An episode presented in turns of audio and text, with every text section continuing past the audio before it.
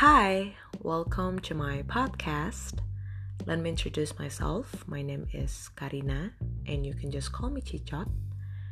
This is actually my first podcast, so I'm a little nervous because I'm not really sure what kind of topic that I'm going to talk about in this podcast. But I will consider this as my diary, so maybe I will talk about my daily activity or just my restlessness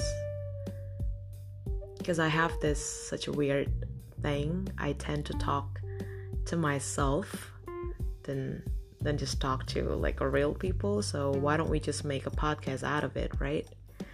So yeah, thank you guys for coming by and hope you guys enjoy it.